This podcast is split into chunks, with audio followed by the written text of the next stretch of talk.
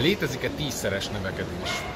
Ez a kérdésem a mai Szabadság Mentoring videóban, és a válasz az nem egyértelmű, mert érdemes ketté választani két dolgot. A kérdés egyébként, ez a tízszeres növekedés kérdés, ez már nagyon régóta foglalkoztatja szerintem a magyar vállalkozókat. Egy mm, nem régiben egy mastermindon elő is jött, hogy ha egyébként ez a tízszeres növekedés az létezik-e, vagy ez egy kamu, egyáltalán van-e értelme erről beszélni, vagy ez tulajdonképpen egy marketing duma, stb. stb. És azért gondolom azt, hogy erről érdemes egy kicsit alámerülni, mert az az én tapasztalatom, hogy szerintem sokan félreértik, és talán én is egy időben félreértettem ezt az egész kérdést.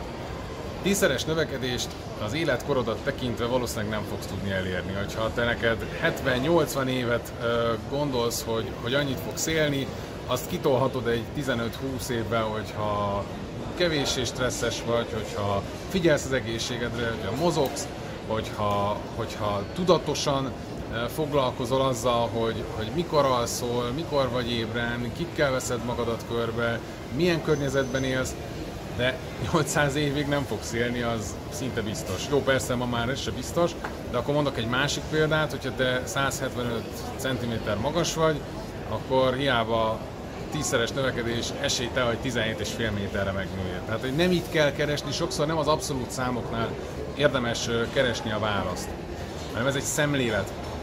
Alapvetően az előttünk álló válságban az, hogy növekedés, nem biztos, hogy azt jelenti, hogy neked még több lesz a profitod. Nem biztos, hogy azt jelenti, hogy több lesz a bevételed. Az sem biztos, hogy jelenti, hogy, hogy tudod, még inkább a költségeiden le tudsz faragni.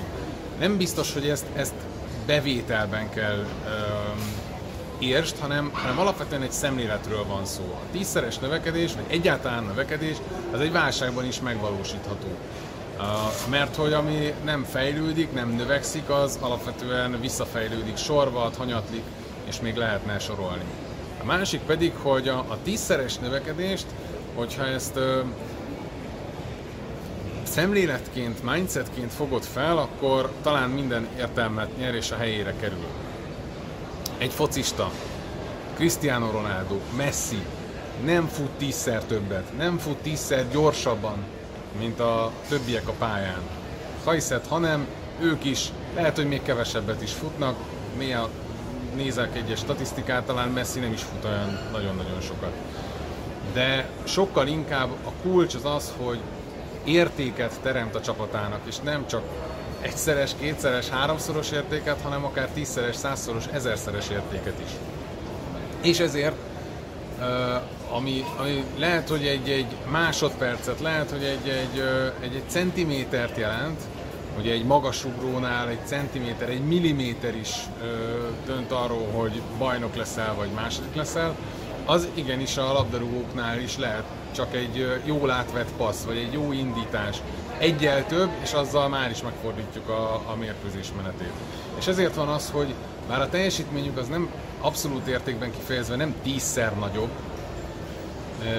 de a bevétel, amit mondjuk realizálnak, a személyes értékük, az viszont akár tízszerese, százszorosa, ezerszerese is mondjuk egy ö, olyan focistának, aki mondjuk az NB1-ben ö, próbál teljesíteni. Úgyhogy kérlek szépen, hogy így nézzél arra, hogy, hogy növekedés egyrésztről, másrésztről meg így nézzél arra, hogy tízszeres növekedés, vagy százszoros, vagy ezerszeres, hogy igenis ez egy szemlélet kérdése.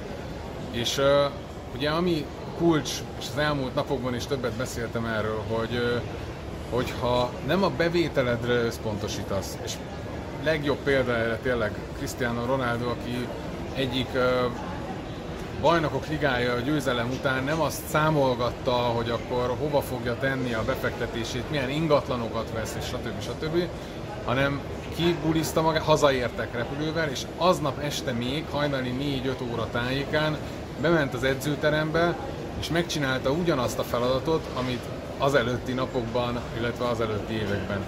Az, ami volt a, a BL győzelem elmúlt, az, hogy aranylabdás lesz-e vagy nem, hát ötszörös aranylabdás lett egyébként de akkor még nem volt, az, majd, az csak a jövő zenéje, neki a jelenleg kellett koncentrálni, és az csak úgy megy, hogyha a szemléletet a megfelelő ö, észjárást és, és tudatosságot beleviszi a napjába.